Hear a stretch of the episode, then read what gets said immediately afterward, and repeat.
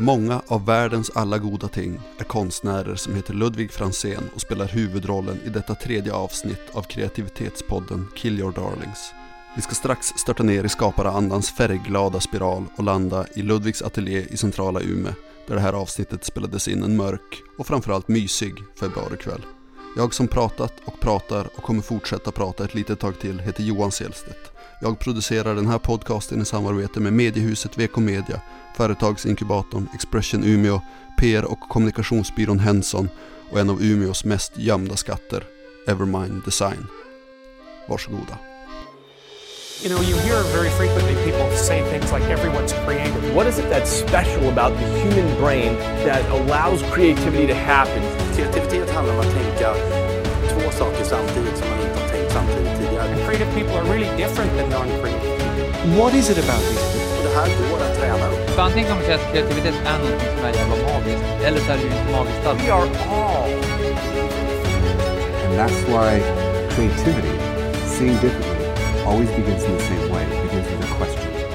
What is creativity? En eh, vän av ordning skulle kanske föredra att man börjar kronologiskt. Så jag tänker att vi ska börja från början, på ett ungefär. Eh, på din hemsida så kan man läsa att du är konstnär, du är född nyårsafton 74. Du har varken höjdrädsla eller körkort. Men utöver det, vem är Ludvig Fransén? Ehm, jag är ehm, en eh, liten människa som har bott i Umeå hela mitt liv. Jag har alltid varit här. Ehm, möjligen i tidigare liv också. Svårt att svara på. jag har eh, växt upp eh, på Haga och bakom Logstallet. Mm. Eh, och öst på stan. I ett jättestort gammalt skruttigt hus. Så det var stort men det var liksom av den billigare typen. Ehm, och jag har fått mycket stöd av mina föräldrar. Så att det här med att, att rita och måla, det, ja men fan fortsätt med det, jättebra. Åh vad duktig du är. Eh, och sen hittade jag eh, mammas eh, akustiska gitarr och pappas ackordbok och så började jag plinka på det. Eh, och sen så får man kompisar och så eh, lär man sig saker om eh, till exempel att man kan eh, ha roligt med en videokamera. Man går ut på ett skrotupplag och så filmar man det. Ehm, alla möjliga saker. Eh, så att eh, jag har nog redan tidigt fått idén om att ehm, det här med att försöka hitta på saker och skapa saker eh, är någonting som jag både har någon sorts fått någon idé om hur, hur man går tillväga. Eh, och att det är någonting som jag tycker är väldigt roligt. Så roligt så att man till och med står ut flera år att, att få väldigt lite betalt för det känslan av mening är väldigt stark. Och sen när man faktiskt får eh, skäligt betalt för sin arbetsinsats så blir man chockad och alldeles varm i kroppen. Ungefär så. Ungefär så. Och nu sitter vi här. Ehm, Jag såg ett inslag i SVTs program Sverige där din konst beskrevs som wasteland-konst. I den bemärkelse att den ofta porträtterar så här förfallna objekt och byggnader. Saker som tiden har fått göra lite ja, men kantstötta, typ. Hur skulle du beskriva din konst? Eh, som att det jag gör när jag gör bilder är att jag eh, försöker hitta ledigt utrymme. Eh, eller försöker skapa eh, utrymme som inte fanns där tidigare. Ehm, som om känslan av min omvärld är att den eh, överallt där man ser är det redan upptaget. Eh, Alla platser och gator och ytor är avsedda för någonting. Det finns ett syfte med att det är ett särskilt hörn här. En lastbrygga eller en bakgård eller en parkering. Eh, Och eh, det kommer nog också från tidiga upplevelser som man sen eh, Eh, har låtits eh, växa abnormt och som jag sen har fått för mig att det, det här kan man göra ett yrke av. göra bilder av sådana platser. Eh, som till exempel eh, ödegårdar eller övergivna hus. Eh, där det inte just för ögonblicket är bestämt vad platsen är till för. Att platsen har förlorat sitt tidigare syfte och, och innan den har fått ett nytt. Ehm, och så kommer jag dit ensam eller tillsammans med kompisar. Och det finns ingen annan som kan förklara. Det här är en sån här plats. Det är, såna här saker gör man här. Mm. Eh, utan vi kan hitta på vad det har varit till för och vad man kan använda det till just då. Okej. Så att det är inte så mycket kanske... Jag, jag måste ju se, som uppskatta att de använder ordet wasteland i programmet. Eh, men då missar de att det finns, det finns ett svenskt ord som är ganska sällsynt som heter ruderatmark. Aldrig hört.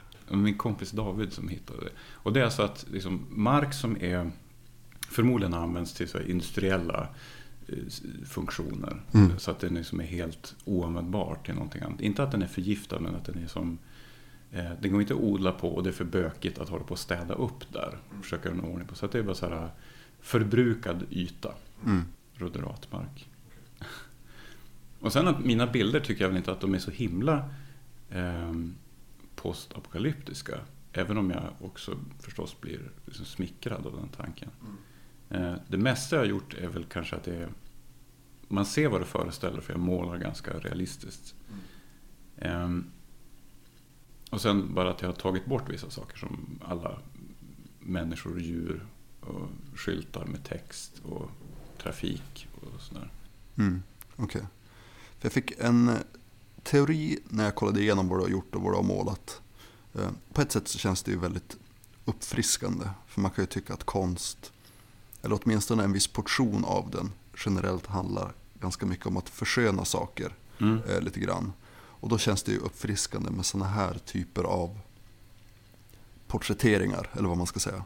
Det känns ju som att det finns något mer ärligt i det på något sätt. Eh, Ja, nu tappar jag bort mig lite grann. Konst behöver ju såklart inte alltid vara ärlig. Ehm, men ja, är det någonting som du reflekterat kring? Det känns som att du kan få se någonting annat än det du väntar dig. Nu, så här, nu ska vi titta på konstbilder. Ja, ja men precis. Ehm, men då har det kanske inte så mycket med ärlighet att göra. För dig i alla fall. Utan det är snarare en, en lockelse. Eller vad man ska säga. Ja, så jag försöker ju hitta på eh, så mycket jag kan. Eh, det där med ärlighet är onekligen viktigt. Mm. Men kanske inte för en konstnär. Nej. Eh, det är mer som att det kan, jag kan ju också se en lockelse i så här dokumentära ärenden. Att nu ska jag försöka fånga eh, någonting som just har passerat och försvunnit. Och innan det, innan det är borta, uppslukat av det förflutnas dimmor, så sparar jag det och tar reda på så mycket jag kan om det. Och eh, sånt arbete kan bli konst.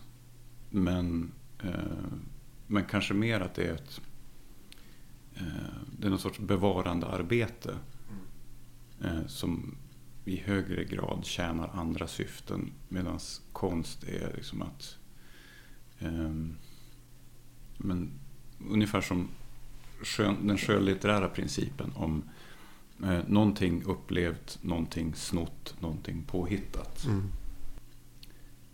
Ehm, men sen är det också det att, att spendera hela sitt liv i Umeå som, eh, som jag gärna tror naturligtvis att det är någonting speciellt med. Mm. Liksom att försöka motivera att, att stanna kvar här. Eh, Umeå till exempel är en ganska välstädad stad. Det är ganska prydligt här. Vi är ganska snabba på att, att riva ner och, och forsla bort sånt som vi tycker är lite för gammalt eller missprydande eller att det saknar en funktion. Och oj, då går det undan. Liksom. Ja. ja, men det kan du nog ha rätt i.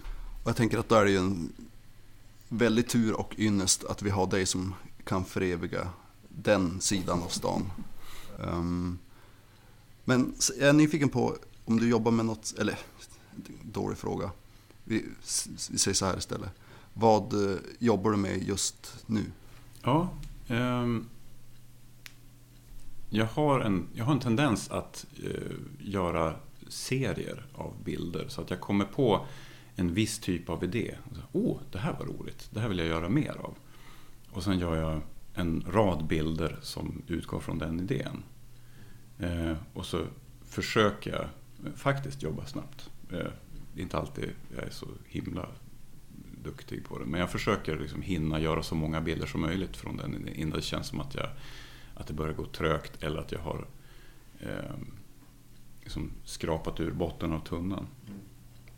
Och då blir jag tvungen att hitta en ny idé. Så det jag gör just nu är dels en kombination av eh, erfarenheterna av att, att vrida och vända på den här idén som jag haft tidigare av eh, platser som skulle kunna vara välbekanta men som jag med små förändringar har gjort främmande. Mm. Och en eh, särskild arbets, arbetsmetod för att kunna eh, producera målade bilder fort. Så tidigare har jag gjort mycket målningar i akryl och i akvarell. Eh, I mer eller mindre naturliga färger. Men här och var under min eh, bana när jag har försökt mig på olika saker så har jag också testat med en begränsad färgskala. Och det försöker jag utnyttja nu. Så nu använder jag bara gult, orange och mörkbrun. Mm. Eh, och dessutom eh, begränsar motivvalen lite grann.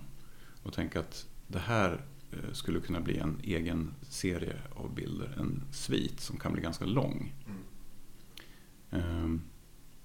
Så det är det jag inriktar, på, inriktar mig på nu. Eh, med det jag kallar för orange-gula bilder. Okay. Eh, jag har gjort två utställningar med sådana bilder. Och eh, åtminstone en till i sommar. Mm, Okej. Okay. Men att du bara använder så få färger, är det som ett sätt att eh, typ utmana sig? Skulle du säga att det är en av anledningarna att du, du gör det på det sättet? Jo, dels. Eh, dels det att eh, jag blir tvungen att alltså, tänka om lite grann för att annars kan du ha en, en grön och en lila som har samma ljushetsvärde. Liksom. Mm, mm. Den ena är varm och den andra är kall.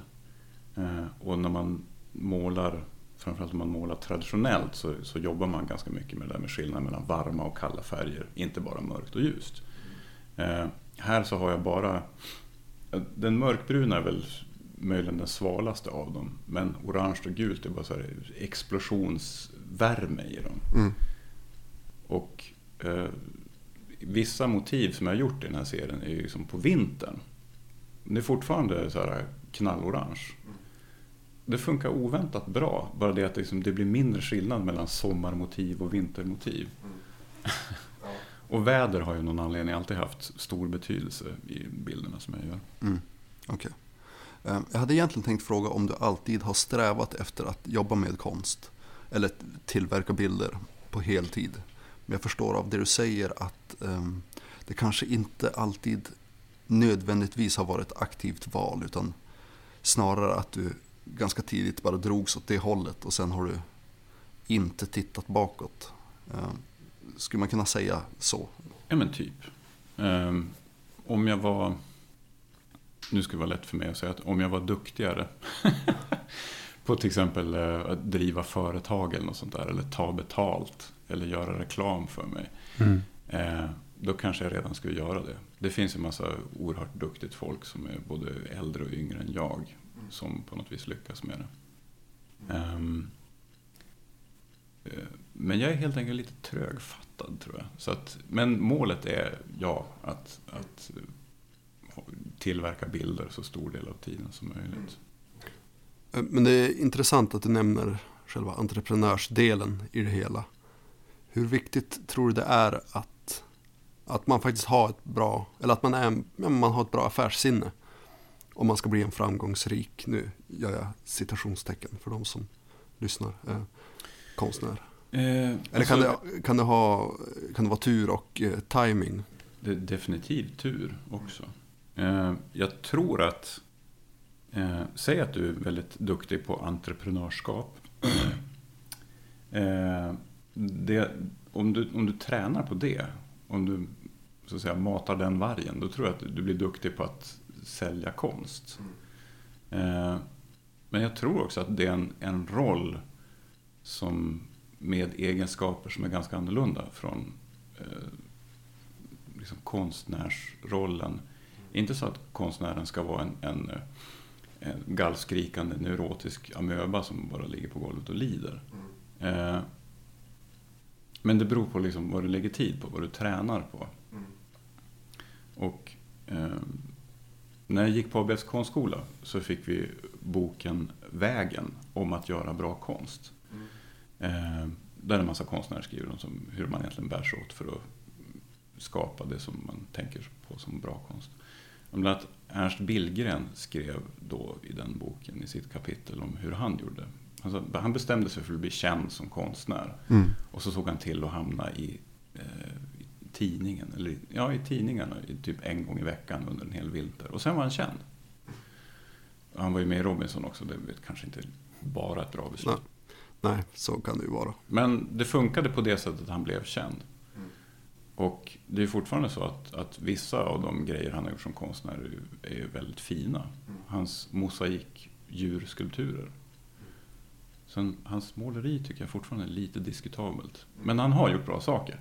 Eh, men som sagt, att han, jag tror att han framförallt är framgångsrik som, som marknadsförare. Mm.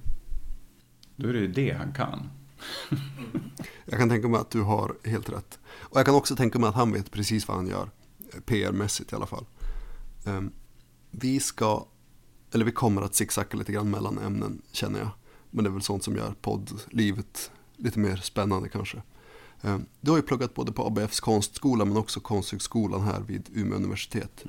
Hur viktigt skulle du säga att det är med en konstutbildning om man sen ska jobba med konst? Um, det, det är viktigt för att um, först och främst för att du får eh, en massa input som du omöjligen hade kunnat få om du bara målade hemma. Uh, och det är också ett beslut att du liksom ska um, officiellt så att andra människor får reda på det. Lägger en massa tid och möda och pengar på att eh, öva på ditt konstnärskap. Ehm, Så det har ju effekten att, att du, du visar upp för omvärlden att det här är någonting som jag faktiskt tänker eh, lägga resurser på. Mm. Men sen också det att, att du hamnar i en helt annan miljö än eh, du har varit i tidigare. Och liksom, alla barn ritar ju. Mm. Precis samtliga. Och de allra flesta slutar vid någon tidpunkt när det eh, blir för svårt av olika anledningar. Att man börjar ställa krav på sig som är svåra att uppfylla. Eh, och kanske i, i relation till sina klasskamrater eller någonting. Oftast finns det någon i klassen som är extra duktig på att göra typ seriefigurer eller någonting. Och så vinner den. Liksom. Och, och man själv är jätteduktig på skuggningar men inte kan rita, vet jag, eh, Bumbibjörnen eller Punisher eller någonting. Så har man inte någonting att komma med för de kan i sitt verkställande bli klara så mycket fortare. Ja, Liksom. okej. Ehm, Men jag hittade ju något sätt att fortsätta. Att jag, liksom, jag upplevde någon sorts belöning av att, eh, av att lyckas med en teckning. Och som sagt stöd från mamma och pappa. Liksom. Mm. så Men det här är fan någonting jag vill testa igen. Undrar vad mer man kan göra med pennor och kritor och vattenfärg och sådär. Eh, Och så eh, det vi hade hemma var ju framförallt så, små pocketböcker från eh, 70-talet om olika konstnärer. impressionismen eller någonting sånt där. Eh, och en stor hög med vykort som, som mina föräldrar hade köpt när de liksom på semester. eller Någonting. Mamma gillar Magritte väldigt mycket. Till exempel. Och det är ju jättehäftiga bilder. De är, Magrittes bilder är också så alldeles tysta, inga människor. Åtminstone inga individer. Kanske kroppar, men det är inte liksom människor som vi. Eh, ofta bara tysta rum. Så att redan tidigt, ah, tystnad, det är bra grejer.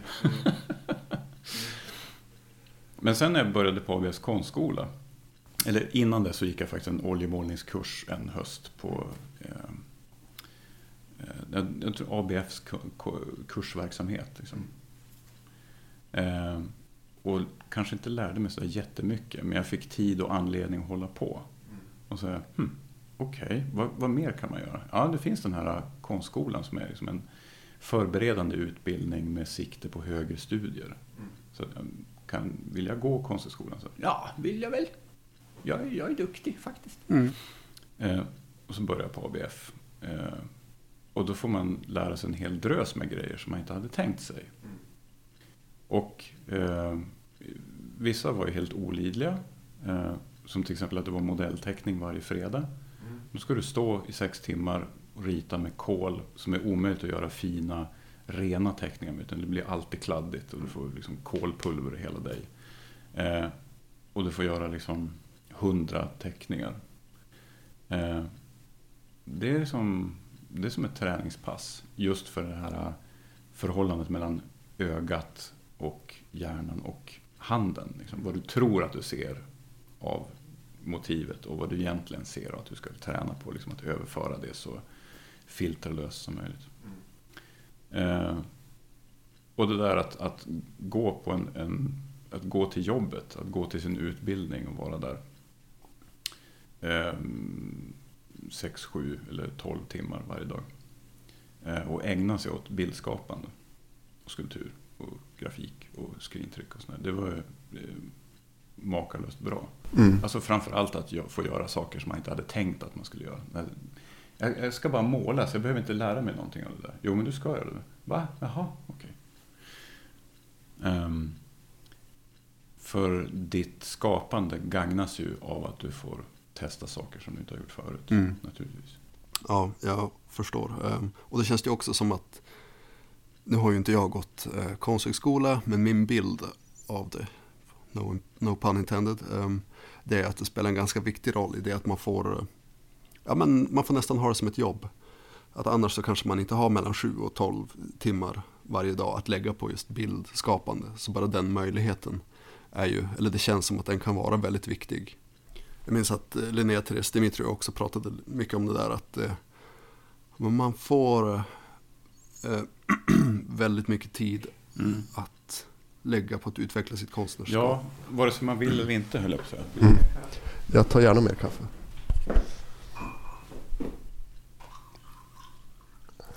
Tack. Hur skulle du definiera kreativitet? Hmm. Det är... Um, ska vi gå tillbaka till barnet då som vi alla har varit? Det är att eh, ett, ett barn uh, som försöker liksom i högsta fart undersöka världen omkring sig så mycket som den når när den ligger på rygg och bara kan liksom vifta med alla eh, kroppsdelar. Eh, och sen att man börjar, när man kommer på att man kan gå omkring så kan man riva ner saker från bänkar och sånt där. Eh, att det här upptäcktsresandet eh, finns där från början. Eh, och det är svårt att säga att, att det skulle vara en instinkt för att jag föreställer mig att vi föds utan någonting särskilt. Kanske liksom med något, eh, allergi eller någonting, att man har något fel på en tå. Men annars, vi, vårt, vårt medvetande är liksom blankt och sen så, så fort vi finns till ute i den fysiska världen så börjar vi fyllas på med intryck och det Mm. sätter vi ihop till upplevelser som sen formar oss. Ehm, och kreativiteten känns väl som att det kanske att man bygger vidare på det där att hmm, vad är det här? Det här har jag aldrig sett förut. Vad kan den användas till? Eh, inte så mycket vad är den menad att användas till utan vad kan jag göra med den här? Tänk om jag kan komma på någonting som ingen annan har gjort. Eh, och så här. Eh, en, ett sätt att definiera kreativitet är eh, att ta två saker som inte sitter ihop och sätta ihop dem. De kanske inte ens hör ihop, men man hittar ett sätt att kombinera dem. Om det så är liksom eh, trummor och bas eller eh, gult och grönt. Det, eh, Ja, men något slags nytänkande tolkar det som att du menar att kreativitet är. ja, precis. Om, om inte annat för en själv. För att i- ibland finns det också en, kan jag också få en känsla av att alla som försöker sig på det här, hmm, konst eller bildskapande, vad är det? Är det någonting jag kan utforska? Eh, får gå eh, lite grann samma hinderbana. Så vid en viss ålder, eh, när man varken är barn eller ungdom, men någonstans däremellan, så kommer man på det här att man ska rita ögon. Ett väldigt noggrant skapat öga, ögonfransar och det, att det ska vara djupt och, och liksom Komplext. Ja. Eh, och sen det här med ett fantasirum. Eh, fantasirum har, något av fantasirummen i världen har alltid schackrutigt golv, konstigt nog. Det känner jag igen. Där har jag nog varit. Ja. Och sen där, jag, jag lyckades eh, liksom eh, avkoda någon del av bildskapandet. Att jag, när jag tidigt förstod hur perspektiv funkar. Inte att jag var bra på det, men att förstå, ah, okej, man ser liksom översidan av en låda och eh, ena och andra sidan. Så att man, en, en kub har tre sidor om man ritar av den. Eh, för annars är det standard och fullständigt normalt att rita ett hus så gör det rakt från sidan. Huset har bara en sida med ett eller två fönster. Något sånt där. Och så kom jag på att, ah, okej, om man gör det lite i vinkel, man, liksom, man gör det lite snett sådär, då är det som att man ser huset från två håll Mm. samtidigt. Eh, det vill säga det, det ursprungliga tricket med att, att omvandla ett tredimensionellt objekt till en platt bild och ändå när vi ser den platta bilden så, ah, ett tredimensionellt objekt. Ett hus. Mm, Okej. Eh, förutsatt att det är så som du säger. Att vi föds så här, ja, men ganska tomma och blanka. Och bara ja, men redo för världens alla Påhopp. påhopp. Ja, exakt. Och intryck. Ehm, och då känns det ju som att kreativitet kan vara, eller är någonting som alla skulle kunna på något sätt hitta och vara. Alltså alla kan vara kreativa. Är det så du ser på det också? Mm. Alltså alla kan ju vara en väldigt lång rad med olika saker. Eh, men det är väldigt många faktorer som påverkar eh, vart vi tar vägen. Ehm, om vi säger att kreativitet, skulle hänga ihop med eh, överlevnadsinstinkten, men inte för kroppen. Som mat, skydd, trygghet, social närheten och sånt där. Utan kanske för det, det här liksom rastlösa sinnet som hela tiden undrar, okej, vi har allt det här och det är jättebra, men vad finns utanför det här? Vad finns eh, på andra sidan dörren eller bortom, på andra sidan bäcken, bortom gränsen? Liksom? Att kreativiteten är eh, ett sätt att eh, eh, inte nöja sig med det som finns. Eh, och det man förstår sig på. Utan att man vill, man vill hitta något mer som man inte känner igen. Någonting som man inte förstår sig på. Eh, och att bli överraskad. Mm. Ja, men det är ju väldigt intressant. Jag har nog inte tänkt på det på det sättet att det till stor del handlar om att hitta någonting som inte finns. Att det, det är lite grann en jakt på det. Mm. Eh, Men det skriver jag ju verkligen under på. Att det är så på det sättet.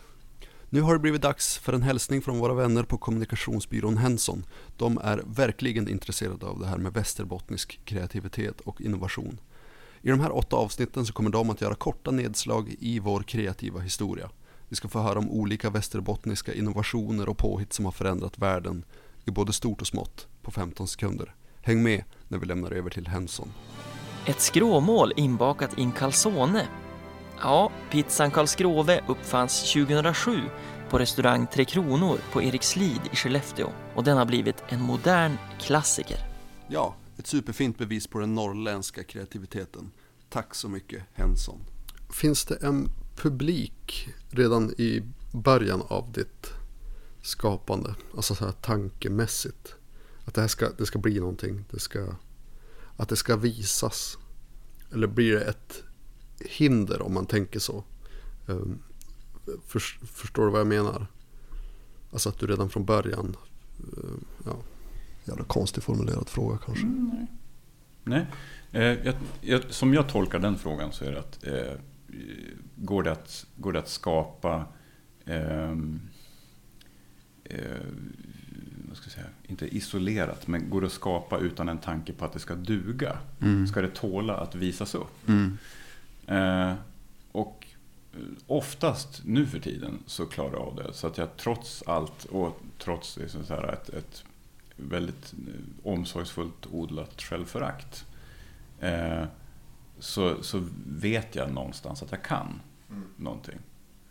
Fattar inte riktigt hur det gick till. Men jag måste övertyga mig själv på något vis. Eh, så att jag, jag har inte så mycket scenskräck heller. Och det är också konstigt. Men att det liksom, jag upplevt tillräckligt många gånger, tillräckligt ofta att det funkar mer eller mindre. Så ja, men det här gick ju ganska bra. Det var inte så jävla illa. Ehm,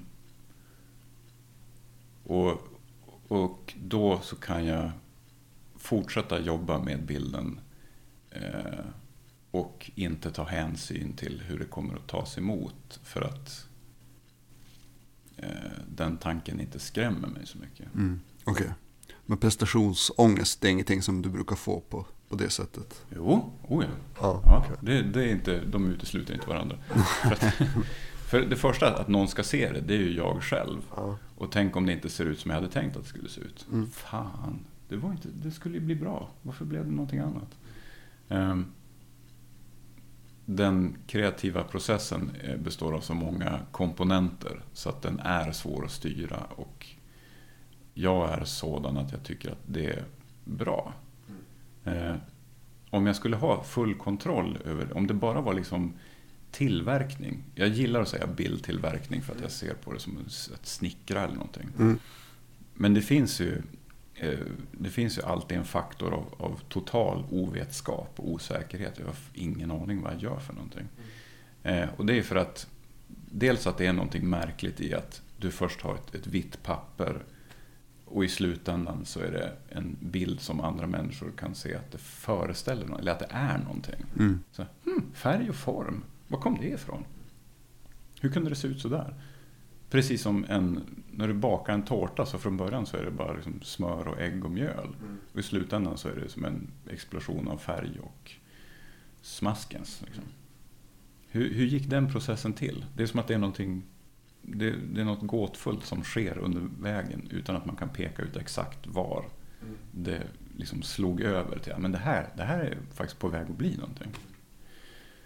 Ehm, men sen finns det när, på, på mm, konstutbildningar och skolor för, för dans och skrivarkurser och allting sånt där.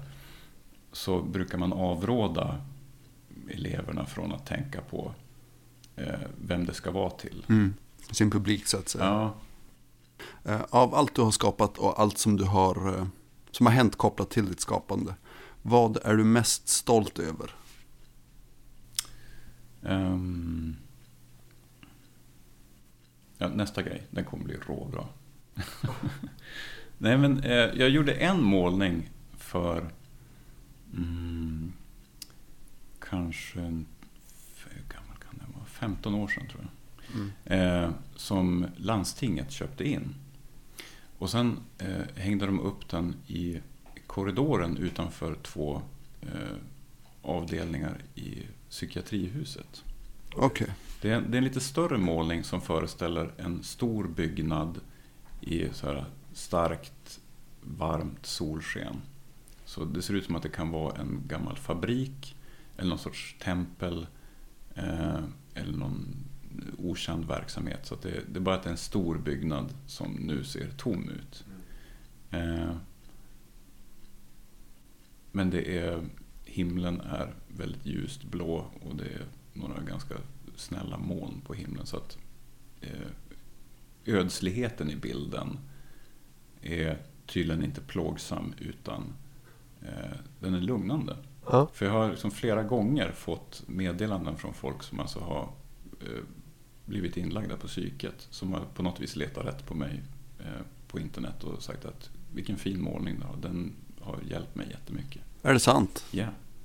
Och det, det känns ju som att liksom, om, om jag kan göra bilder som kan trösta människor som har det väldigt svårt. Det är ju ruskigt värt. Mm.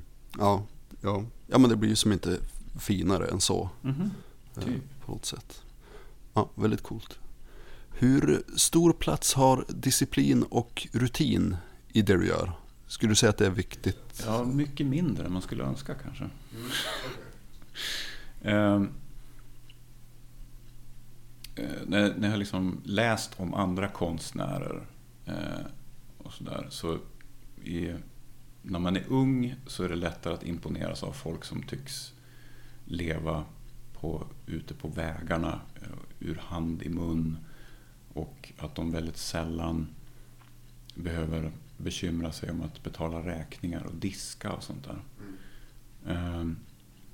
och deras konst eller litteratur eller musik den bara blir till medan de är ute och ränner omkring. Och det känns ju coolt.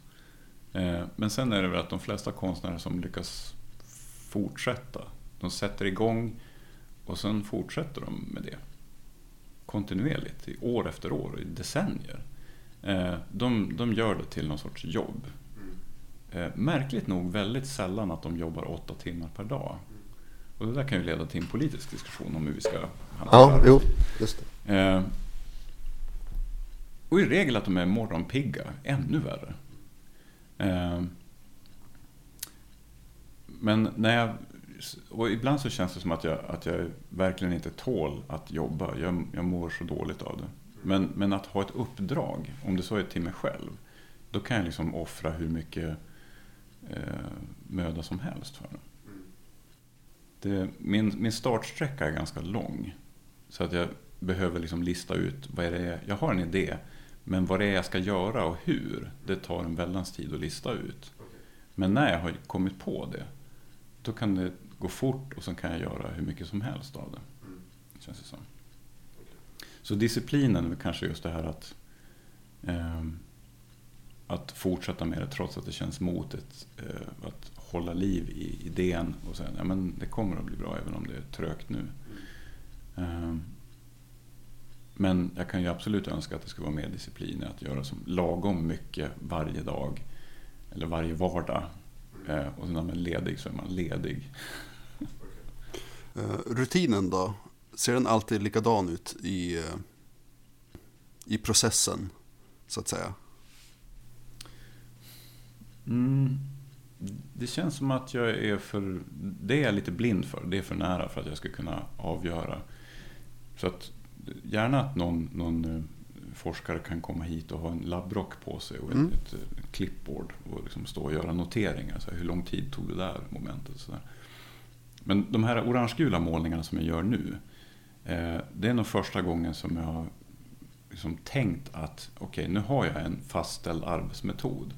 Den går till så här och den har liksom fastlagda moment. Och så följer jag den proceduren gång efter gång.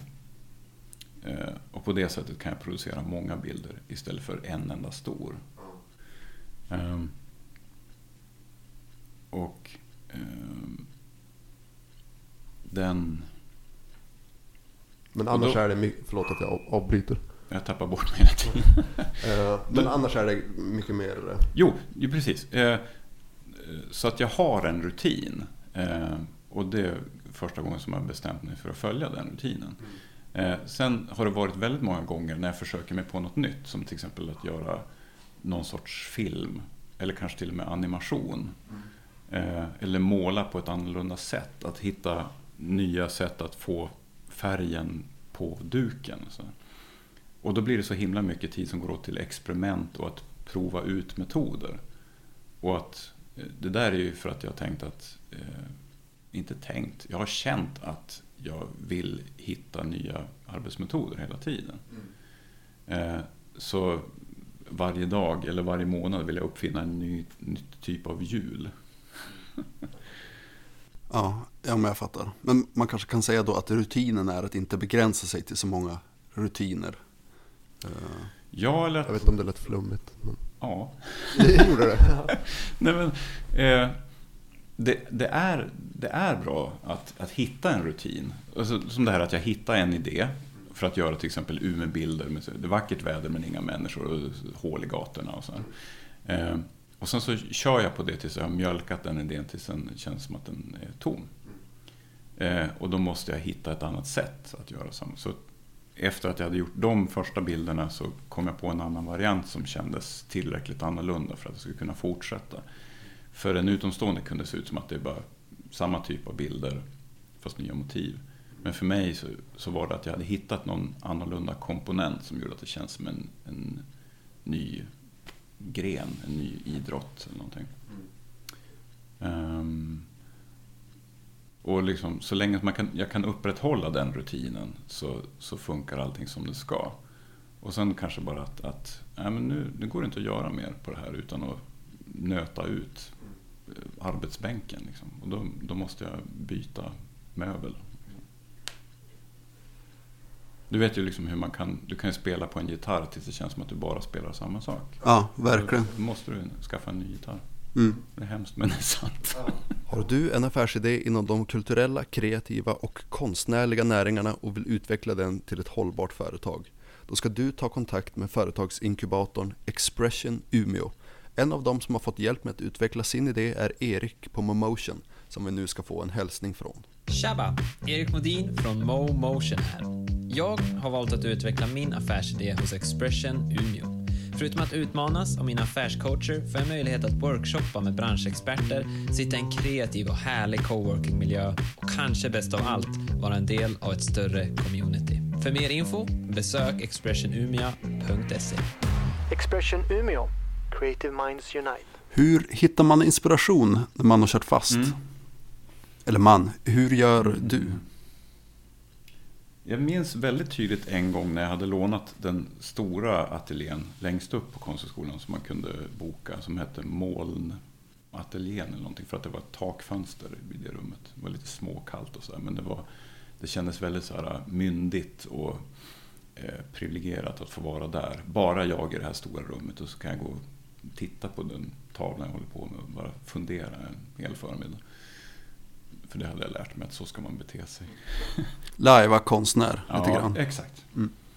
Vilket är det man gör mer än någonting annat en konsert. Lajvar. att konstnär. Eh, och så körde jag fast. Jag höll på med en målning som jag visste vad det skulle bli. Men någonting hade blivit fel. Att det var för mörkt eller för ljust. Eller att eh, jag hade sabbat perspektivet eller någonting. Eh, så jag blev alldeles utom mig av frustration. Men jag fortsatte måla. Och så gick det typ två timmar och sen hade jag kommit ur det. Så jaha, okej, det kanske inte var så farligt då. Fan, vad var det där egentligen? Och så kunde jag inte riktigt återkalla vad det var som jag hade kört fast i och vad det var som var problemet. För plötsligt hade jag kommit över den där tröskeln. Så en variant, det är att, att bara fortsätta knoga på. Mm. För det kommer att ordna sig. Annars är det det att, att om du sitter och spelar eller skriver eller om du försöker tänka ut en, ett dansstycke eller någonting. Eh, och det bara, det känns inte som det hänger ihop, det säger ingenting, det känns bara dött. Eh, det är så här, bara omtuggat i oändlighet. Så ja, då ska man ju försöka så gott man kan och hitta något helt annat att göra en stund. Mm. Eh, till att börja med, eh, drick kaffe eller te eller iskallt vatten eller någonting. Eh, ta en lång dusch, eh, en promenad eller eh, liksom ta fram de sämsta kritorna du har och rita på kopieringspapper. Eh, det infinner sig ganska lätt tror jag när man har den här uppfattningen som då jag har. Att, att, att ja, men jag kan, det finns någonting jag är duktig på. Eh, och så, så händer det där helt fruktansvärda. Men jag som är så duktig, hur kan jag köra fast? Det här är ju, det är som att jag har ljugit hela tiden. Snart kommer någon att ko- banka på dörren och komma på, vi har avslöjat dig, du kan egentligen ingenting. Mm. Ehm, att, eh, att släppa den där idén om att vara ett proffs och att det ska bli någonting. Och hitta någonting istället att göra där du är total amatör. Så jag har ingen aning om hur en gammaldags lådkamera funkar. Jag kanske ska bygga en sån. Och testa vad som händer om man kan få någonting ur den. Liksom, om det handlar om att göra musik så, så leta rätt på någon så här helt vansinnig plugin som förstör ljudet. Mm. Ja, den gamla klassikern. Nej, men när, när du kör fast så liksom om, eh, om du inte är kissnödig så behöver du inte gå på toa så då kan du gå och göra någonting annat istället. Liksom. Eh, det, finns, det finns andra eh, konstnärer och författare som beskriver som att de har någon sorts eh, reporterroll. De bara går runt och samlar in material. Så att de, de bara suger i sig och liksom slukar allt de hittar. Och sen så går de hem till, liksom, till sitt kontor eller till sin ateljé och så bara spyr ut allting. Binge and purge. Um, och uh, den där växlingen med att vara ensam i sitt skapande och att vara ute i världen och umgås med andra människor. Uh, varken det ena eller det andra är liksom idealet utan det är växlingen däremellan som är grejen. Um, så liksom, om, det, om, du kört, om du har kört fast då måste du gräva dig loss. Mm. Och gör det bokstavligen. Liksom. Eh, gör någonting med kroppen. Klättra upp på ett tak eller spring eller skotta snö. Eh, Nu känns det ju löjligt eller kanske till och med pubertalt att prata om idoler. Men jag tänker förebilder i alla fall. Inspireras du av människor och kreatörer? Finns det någon särskild som du ser upp till, som du tycker kanske gör bra saker och som du förundras av? Slash över. Alltså, jag märker att jag lyssnar på din fråga och sen försöker jag komma på ett bra svar. Och sen så pratar jag och medan jag pratar så kommer jag in på någonting annat. Nej men det är väl bara härligt. Ja. För grejen med det där är att, liksom, att jag tror att man kan finna inspiration i allting. Mm. Eh, men, eh, fram, men framförallt att inspiration kan finnas var som helst. Eh, men det är inte allting som inspirerar en, kanske just därför att det finns mycket omkring oss i ljud och bild och textform som eh, kan kännas som att det här har jag sett förut. Varför kommer det bara mer av det? Eh, men man kan bli överraskad och se någonting som man inte hade väntat sig. Och då i regel så liksom, eh, känner man tvungen att samla på det. Liksom, att fånga den eh, tanken. Liksom. Och sen att eh, liksom, Star Wars-filmerna, som, där den första gjordes liksom, typ i ett garage med så kackiga, enkla medel som möjligt. Eh, och den här idén, att, eller framförallt när jag senare i livet har undersökt, okej, okay, men hur gick det till när, när den här filmen gjordes eller när den där skivan spelades in? Som hur, hur enkla omständigheter det var från början och i slutändan så har det ändå blivit någonting som vi inte kan liksom, förklara för det känns liksom, som att allting har verkligen klaffat och det har blivit fantastiskt slut. Från början så var det verkligen bara skräp. Um, och när man börjar söka efter, eh, eller man råkar på förebild, man hittar någon som imponerar på en. Som sjunger eller spelar eller målar. Så, så, så dyker de upp i ens värld i regel när de har hållit på i så 10, 15, 20 år. Eller mer. Eh, och man förstår inte hur de kan vara så fulla och så eh, imponerande idéer. Eh, det verkar som att de har liksom... Jag hittar en, en konstnär som, som eh, har gjort samma sak i 40 år. Och det ser helt fantastiskt ut. Det har säkert varit så hela tiden. Han gjorde säkert så när han var liten också. och så får man se hans barndomsteckningar och de ser förfärliga ut. Ja, ja exakt. Um, det finns till exempel eh, Roy Friberg. En, en svensk målare som, och tecknare eller man ska kalla det, som dog för några år sedan. Um, som gjorde stora, och hans, hans bilder, det är verkligen wasteland-miljöer. Eh, stora ödsliga landskap fulla av skräp. Eh, och extremt vackra för mig. De allra flesta idoler jag har, de gör liksom någonting som jag tycker är fantastiskt och någonting som bara är helt ointressant. Ja. Ja, men jag tror att det är nyttigt i alla fall att Ja. hitta att, att även de eh, mästarna har gjort eh, skrot liksom, som bara är fult. Eh, med det sagt så finns det ju massa, massa duktiga människor här i stan som jag absolut inte skulle påstå att, att de har gjort någonting som är fult eller dåligt. För då kommer de ju att slå mig. För så litet är Umeå. Ehm, Men, men det, jag tror att det är bra att se eh, att eh, den här, det där magiska skapandet är, handlar om urval.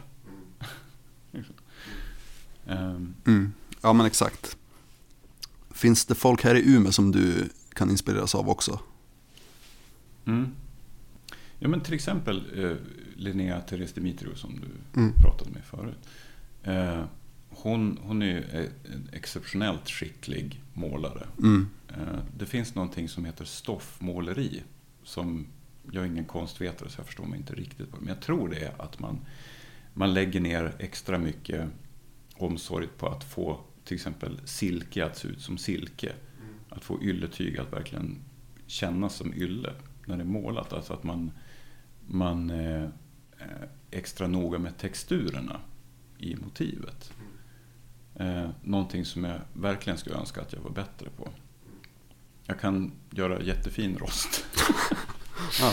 Eh, Eller om det är antingen rostig plåt eller sten eller någon sorts mellanting. Ja. Eh, För det passar mig. Eh, Men hon kan göra saker som jag inte begriper hur det går till.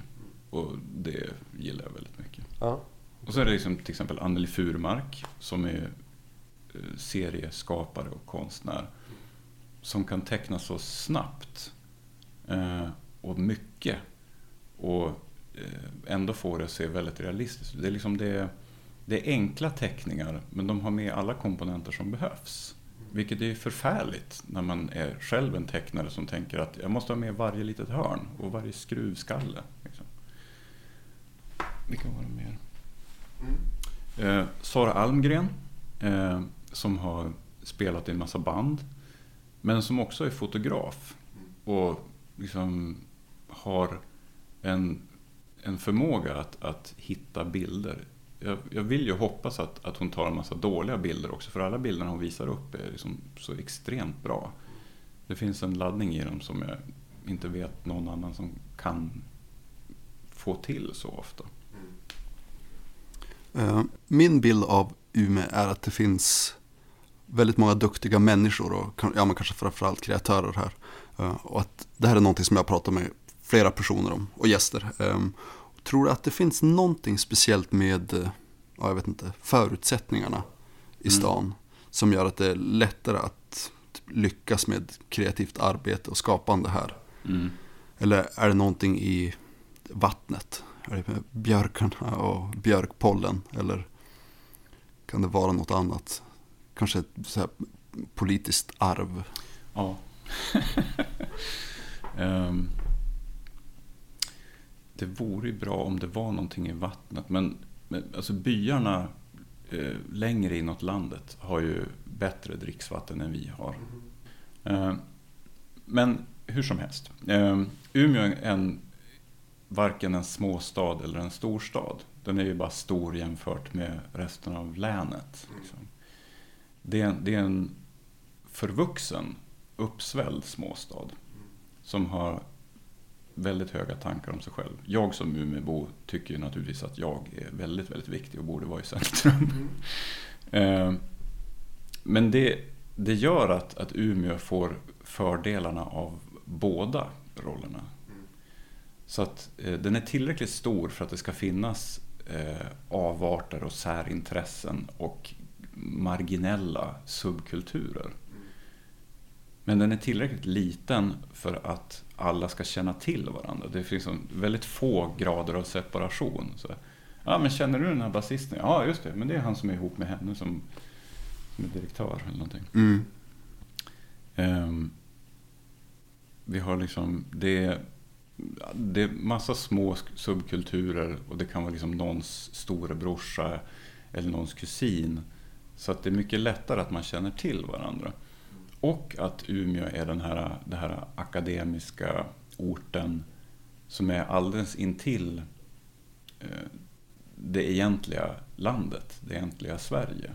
Där som det brukar, där människor brukade bo innan alla flyttade in till stan och blev dumma i huvudet. Liksom.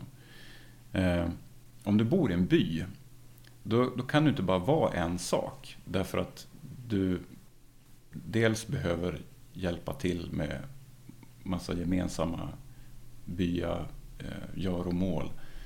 Och du behöver ta hjälp av grannarna hela tiden. Någon har en traktor, någon har en motorsåg och så vidare.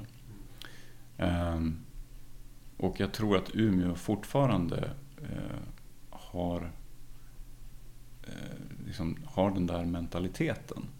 Hur man lever i en by.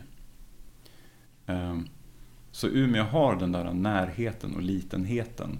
Och hur, hur lätt det är att korsbefrukta olika eh, umgängescirklar och eh, verksamheter med varandra. Samtidigt som det är stort nog för att det ska kännas som att det är värt att satsa på en eh, amatörfilmfestival eller liksom, nu ska vi ordna en spelning i parken. Mm. Och tillräckligt många kommer att komma. Vilket de inte skulle göra kanske i, vem ska vi peka ut som, ja, i Nordmaling. Ja. ja, men intressant.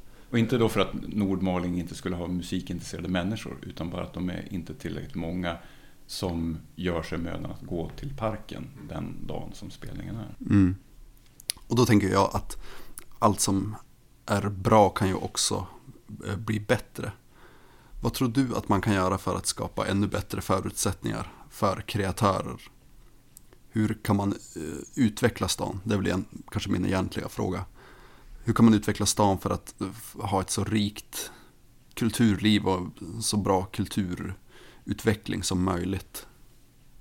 Mm. Det här kommer vi in på liksom det som är eh, uteslutande hypotetiskt på grund av you know the thing. Mm. Eh, så att kanske sen då i, i eh, the after times, Ja. då kan vi börja fundera. Eh, Men det är liksom, eh, kommunen eh, slår sig gärna för bröstet och talar om hur de satsar mer på ku- kultur per invånare än vad alla andra städer gör. Och ja, jo, det ligger lite grann i det, men en stor del av det är liksom hyran av väven. Liksom att det är så stora hyreskostnader för den kåken. Liksom. Eh, Men sen är det också att, att alla kommuntjänstemän eh, försöker faktiskt göra det de kan utifrån de förutsättningar de har och en massa eh, krav som de måste uppfylla. Eh, och jag tror att det är trots allt ganska sällsynt att de faktiskt drivs av ren illvilja, med vissa undantag. Men Mm. att i regel så försöker de faktiskt fixa till någonting. Bara det att det är så många förväntningar och krav som ska vägas mot varandra.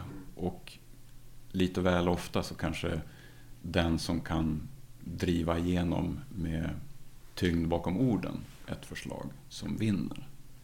Eh, och det, det är svårt för en liten, eh, sam, en liten grupp människor av entusiaster som kanske inte ens en, en eh, regelmässig förening utan bara det, några som har samlats och en, vill göra någonting tillsammans. Och inte ens uppfyller liksom grundläggande formalia för att bilda ett medlemsregister och så vidare. Eh, att kommunicera med människor i kommunpyramiden som är vana vid att saker sköts väldigt formellt. Liksom. Att de överhuvudtaget ska kunna upprätta, upprätta en dialog utan att slå varandra i huvudet med varandras olikheter. Eh, liksom, knepigt. Eh, man kunde ju tänka sig att kommunen skulle göra mer för att stödja föreningslivet. Om nu folk ville organisera sig i föreningar. Eh, det är lite grann som att det, det, det är som stor omsättning på befolkningen. Jag kan inte säga att jag var med särskilt mycket när jag var yngre och engagerade mig i så många sådana här eh, eh, arrangemang och rörelser. Men jag kände ju folk som gjorde det. Och det skapades massvis med saker som var helt fantastiska. och sådär. Eh, sen när, när Lokstallet ockuperades 2014 tror jag, så, så gick vi dit och tittade. Och jag bara, vilka är det här? Det här är helt nya människor som jag aldrig Jag vet inte ens vilka de är. Att en, en ny generation med, med driftiga unga har dykt upp som vill hitta på eh, allt möjligt. Eh, och och så ville de ockupera lokstallet. Men någon på kommunen var kompis med eh, han som skulle köpa det. Så att han fick det i alla fall. Eh, och enligt vad jag har hört, ett rykte som jag har hört, är att kommunen erbjöd den här sam- föreningen eller samlingen med människor. Men skulle ni vilja ha ett kulturhus på eh, den här eh, Mimerskolans före detta gymnastiksal?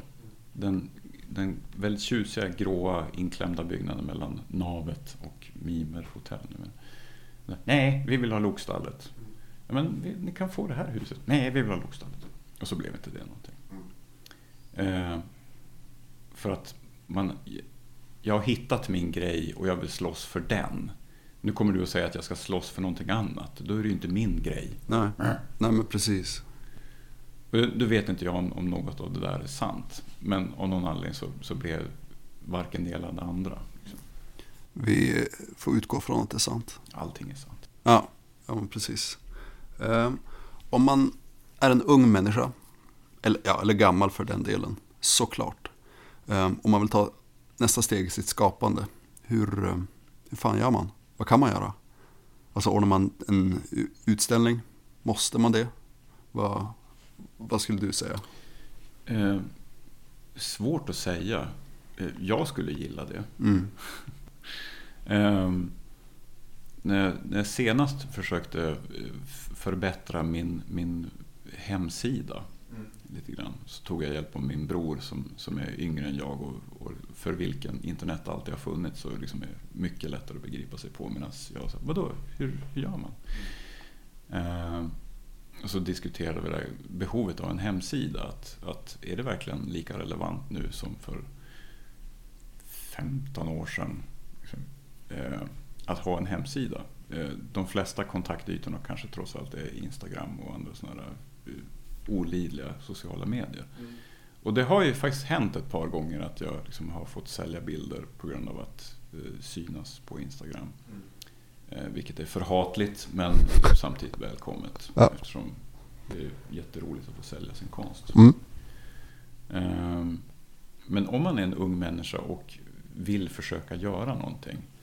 Eh, om det är att, att bara skapa uppmärksamhet eller om det är att, att faktiskt skriva någonting eller sjunga någonting. Så det, eh, om, du kan, om du kan göra, förpacka det i en del av det i någon sorts portionsformat så att du kan skicka det till någon annan.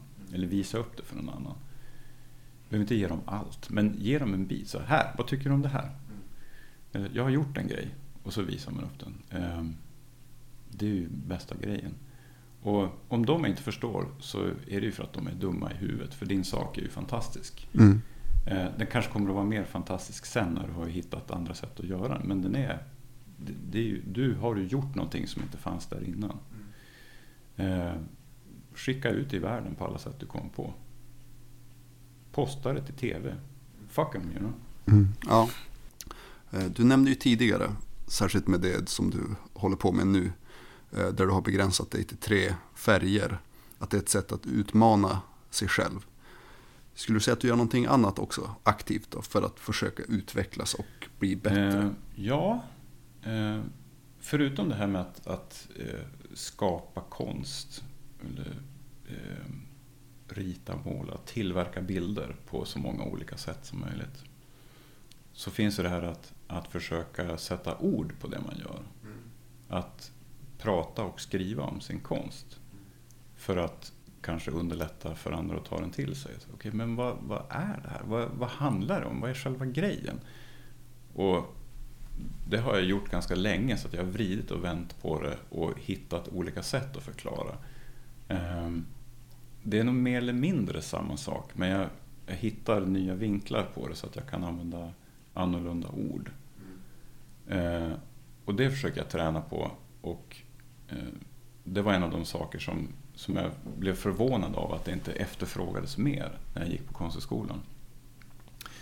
Jag tror att sen, sen jag gick ut så har det ställts lite större krav på studenterna, trots allt.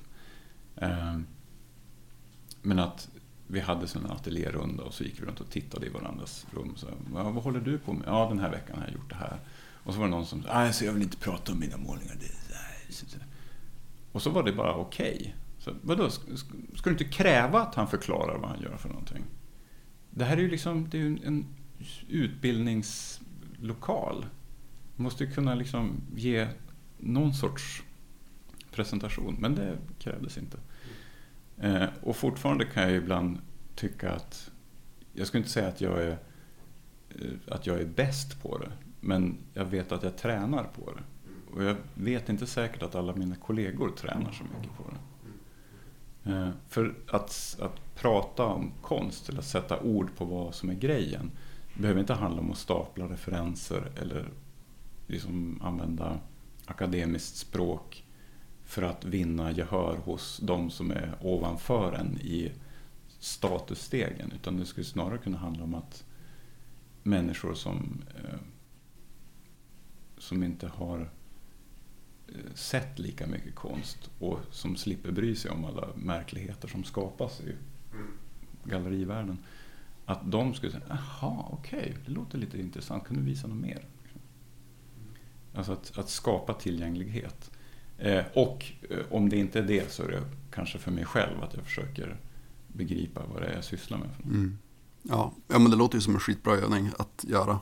Att försöka hitta och sätta ord på det och som du säger eh, tillgängliggöra det så mycket som möjligt. Ja. Um, jag, eh, jag vet inte om jag skickade den frågan till dig, men det är ändå någonting som jag har tänkt på uh, i alla fall. Så nu, ja men jag, kastar, jag får kasta ur mig det bara och så ser vi vart det landar. Kryptokonst, är det någonting som du har hört talas om? Du skrev det och så, så... Ja, jag gjorde det. Ja, min första reaktion var, äh, vad är det där för någonting nu då? Det? Så det hade jag inte hört talas om. Nej, okay. Um, och så läste jag om det och så tittade på saker och så här, hmm, no, hmm. Mm. Eh, och kände en, en, en, överhängande risk att jag bara skulle avfärda det för att det är någonting nytt som har tillkommit Mm. efter att jag har bestämt mig för hur saker ska fungera. eh, men det man absolut kan säga är ju att konstnärer och kreativa människor har alltid kastat sig över eh, nya metoder att skapa och hantera det som blir skapat. Mm. Eh, ända från eh, liksom när, eh, när kameran blev tillgänglig. Eh, när videokameran eh, gick att, blev billig nog att köpa. Eh, herregud, när, när internet introducerades på, någon gång på 90-talet. Och de kom på den, den slående idén att, att skapa en, skriva en roman med hypertext. Mm. Vilket ska vara liksom att, att eh, massa ord är länkade till andra texter och det blev så här, det var jättekonceptuellt och häftigt på den tiden. Vilket vi nu bara liksom kan himla med ögonen åt. Eh, men konstnärer och kreativa människor är alltid nyfikna på nya arbetsmetoder. För att det känns som att det öppnas ett fält som inte är helt definierat än. Och eh, etablerat. Så här gör vi när vi gör såna här saker. Oh, vad är det här? Vad finns det här?